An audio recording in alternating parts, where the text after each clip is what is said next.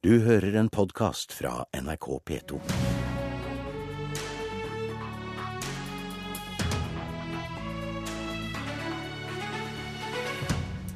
Velkommen til Politisk kvarter, justisminister Anders Anundsen. Takk for det. Hvis Lars Wilks hadde blitt angrepet på Litteraturhuset i Oslo, og det gjaldt synagogen på Sankthanshaugen, hvordan tror du det hadde påvirket argumentasjonen din for ikke å flytte grensene for hvordan vi beskytter oss? Jeg tror nok at uh, vi over tid har uh, vært kjent med at vi lever med terror i vår egen bakgård. Uh, I november i fjor så fikk vi en trusselvurdering fra PST som viste et modus operandi, som det heter. Altså hvordan terrorister går frem når de skal ramme. Som ligner veldig på det vi både så i Frankrike og det vi så i Danmark nå.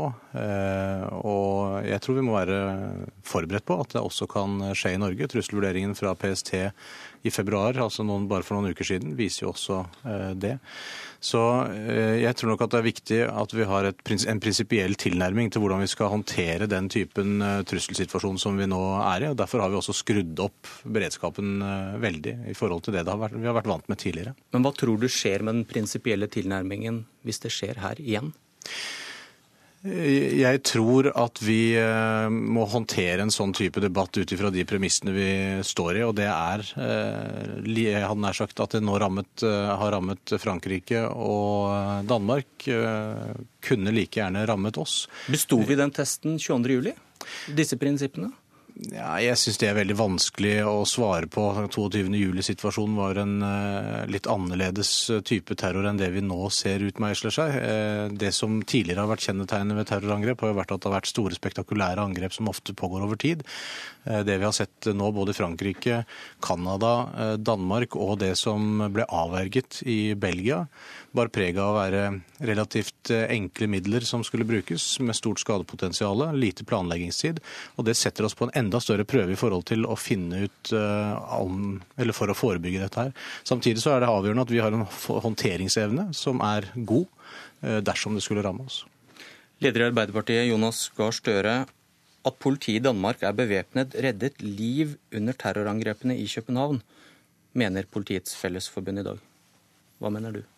Ja, Det bør vi lytte til. Jeg er ikke i stand til å gi den vurderingen. Eh, det er viktig at politiet har de virkemidlene de har for å gjøre jobben sin under det trusselbildet som er. Nå er det gitt også midlertidig bevæpning i Norge. Det er noe politiet har anmodet om, og som regjeringen har gitt dem, og det har vi støttet. Eh, hvorvidt det da reiser en spør spørsmål om permanent bevæpning, er jo da noe, noe, litt annet. Men jeg mener at vi som politikere må sørge for at politiet og sikkerhetsmyndighetene har de Eh, virkemidlene og det regelverket de trenger for å ta godt vare på sikkerheten. Men tror du disse grensene flyttes? Det er et interessant spørsmål. Jeg, jeg vil jo mene at 22.07 til fulle er et terrorangrep i den ligaen vi har nå.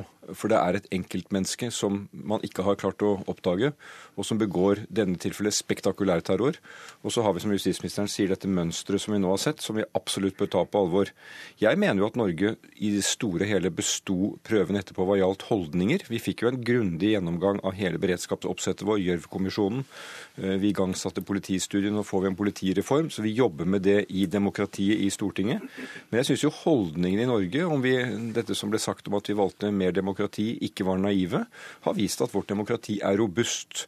Og jeg tenker at eh, at enkeltmennesker føler frykt i bybildet, det må vi respektere og si at vi får leve med den usikkerheten. Men politikken bør passe på å ikke la frykten ta oss uh, som stemningsbølger, slik at vi, at vi uh, haster til beslutninger som ikke gir mer sikkerhet. Vi lever i et samfunn som vi ønsker skal være fritt og åpent. og det det, det, må vi stå veldig fast ved. Leder i Kristelig Folkeparti, Knut Arild Hareide. Hva, hva, tror du skjer med holdningene til f.eks. bevæpning da, etter enda en terroraksjon? Jeg tror nok de blir prega selvfølgelig av det som har skjedd nå. Jeg tror òg Norge er veldig prega av 22.07. Eh, på deler av området var vi godt forberedt, på andre deler oppdager vi mangler. Så tror jeg 22.07 har gjort at beredskapen vår i dag er bedre. Så tror jeg den debatten om bevæpning skal vi òg ikke ta nettopp to dager etter et angrep i København. Men det er en del flere dager etter angrepet i Paris? Ja, men jeg ser òg at eh, f.eks. terrorforsker Ola Olav Bjørgo, som er en av våre fremste på dette området, han sier at Det er ikke spesielt relevant. Norsk politi har adgang til våpen når de trenger våpen. Og overfor situasjoner tilsvarende den i Danmark, ville politiet vært bevæpna. Eh, vi må også stille spørsmål hvilket politi ønsker vi. Selvfølgelig skal de ha våpen når den type situasjoner eh, trengs for det. De har det lett tilgjengelig. Um, og den debatten handler òg noe mer enn bare om terror. Men det handler òg om at vi må sette selvfølgelig politiet i stand til å takle den type terror som nå skjedde i Danmark, og som dessverre utmerket godt òg kunne skjedd i Norge. Det mest interessante svaret kommer kanskje fra deg, Anundsen. Hva er ditt svar til Politiets Fellesforbund? Jeg tror en må se på dette på langs to linjer. Det ene er at politiet uansett hva en mener om alminnelig bevæpning, må kunne rustes i situasjoner som vi befinner oss i nå. Eh, altså at vi sikrer at politiet kan bevæpnes også over en lengre periode hvis trusselnivået er så høyt som det det er i dag. Det har vi nå sikret gjennom en uh, instruks som gjør at det uh, blir mulig. Så syns jeg det er riktig å ta den store diskusjonen om bevæpning. Ikke bare ut ifra et terrorscenario, men også ut ifra hvordan en mener at politiet i Norge skal være rustet for både egenbeskyttelse og uh, rask innsats. Og så vil det være mange argumenter i ulike retninger, men jeg må si at jeg har forståelse for at Politiets Fellesforbund er tydelige på at de mener det er et viktig verktøy å ha i verktøykassa, men det er en del av en stor politisk diskusjon som Stortinget er nødt til å, å ta. Og det er veldig godt å ta sånne type diskusjoner når en får en del eh, svært alvorlige hendelser på litt avstand. Men dere har vel bestemt dere, Frp har jo dette i programmet sitt? Ja da, regjeringen har, eh, jobber jo nå med en ny våpeninstruks instruks som skal sikre i alle fall at vi varer for muligheten til å sikre nødvendig bevæpning i den typen situasjoner vi nå står i. og så får vi komme tilbake til spørsmålet om alminnelig bevæpning i dialog med Stortinget. For det er åpenbart at det vil være Stortinget som har siste ord i så henseende. Og der er det en uh, grundig demokratisk debatt som også må ta hensyn til en rekke andre forhold enn en bare de som har vært fremme nå. Hvor langt er vi villige til å gå? Det er spørsmålet. Hareide. Ervin Kohn han mener vi bør begynne å straffe nettsteder som benekter holocaust, f.eks. Eh, ytringsfriheten eh, det er en menneskerettighet. Alle menneskerettigheter skal være absolutte. Men jeg eh, har full forståelse for den krevende situasjonen nå den jødiske minoriteten i Norge opplever.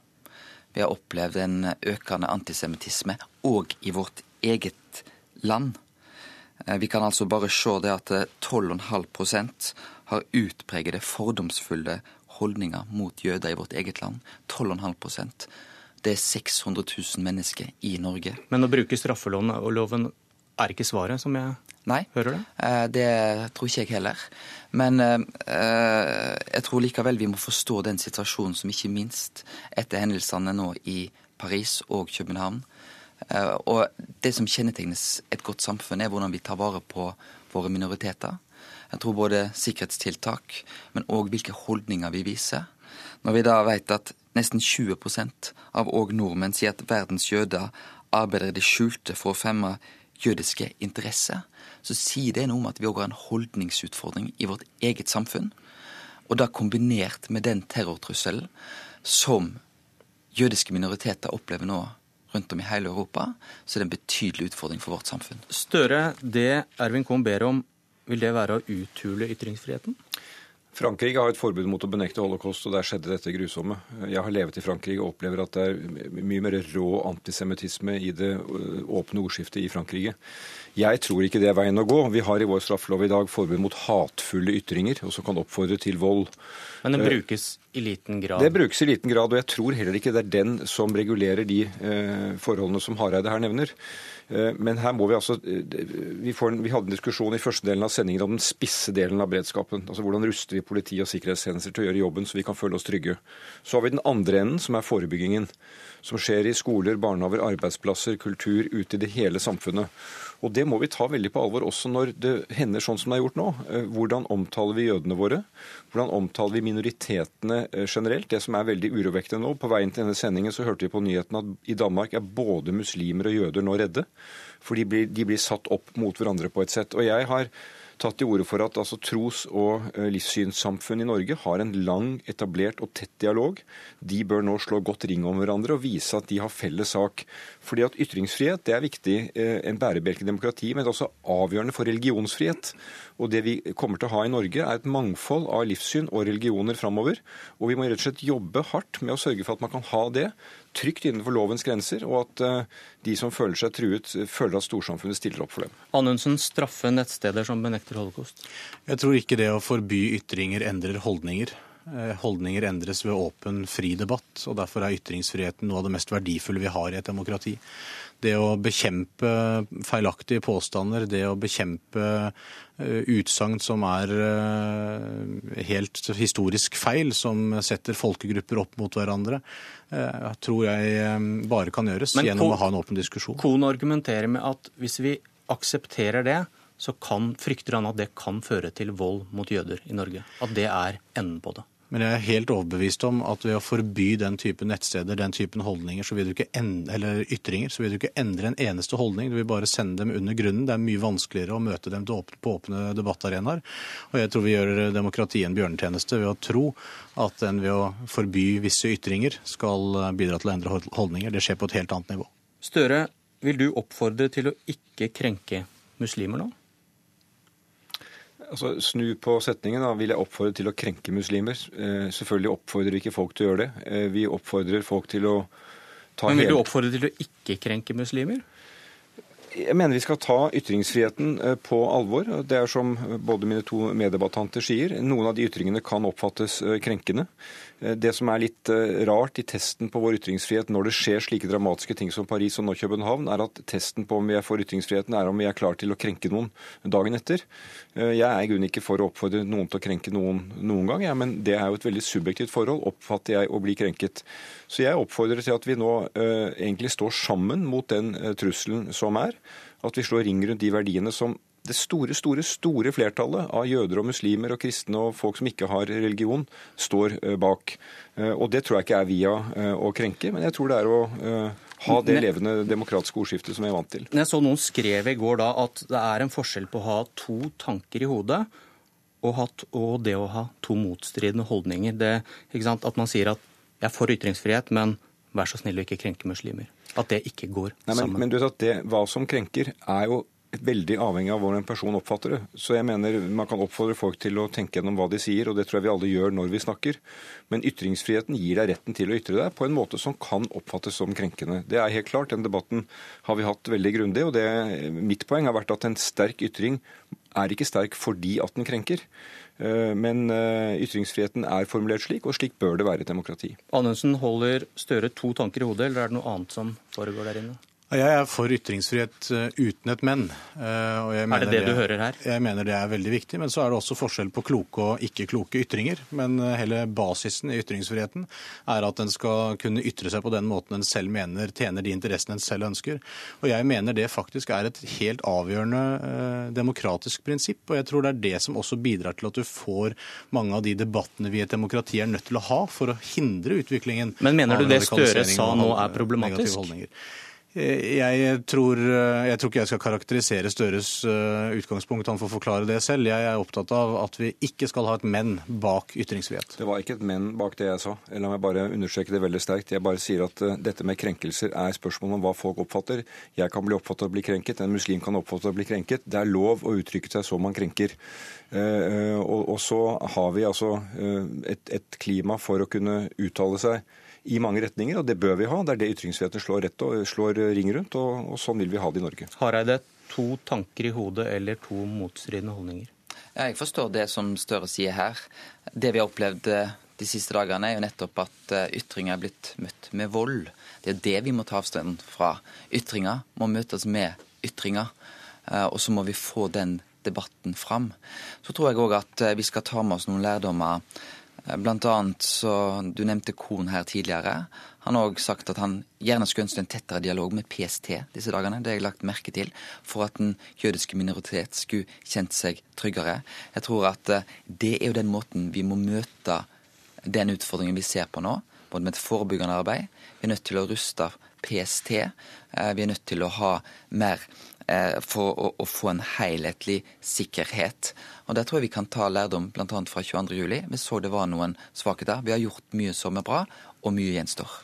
Så er det viktig å tenke helhet når vi snakker om eh, forebygging. Det gjelder i alle ledd av samfunnet. Regjeringen har laget en egen handlingsplan mot radikalisering og voldelig ekstremisme, hvor vi samler mye kraft bak det forebyggingsarbeidet. Peker på hvordan man kan arbeide i kommunene bl.a. for å sikre at vi skal stå sammen mot en eh, utvikling som så langt har vært negativ. Og det ble siste ord. Dette var Politisk kvarter. Jeg heter Bjørn Myklebust. Du har hørt en podkast fra NRK P2.